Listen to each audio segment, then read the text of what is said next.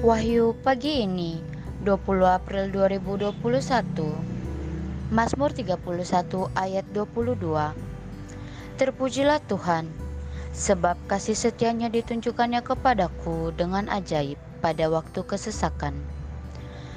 Saudara-saudari terkasih di masa kesesakan akibat pandemi ini Tuhan tetap menawarkan kasih setianya Media sosial jika digunakan dengan bijak dapat menjadi sarana pewartaan sabda Tuhan.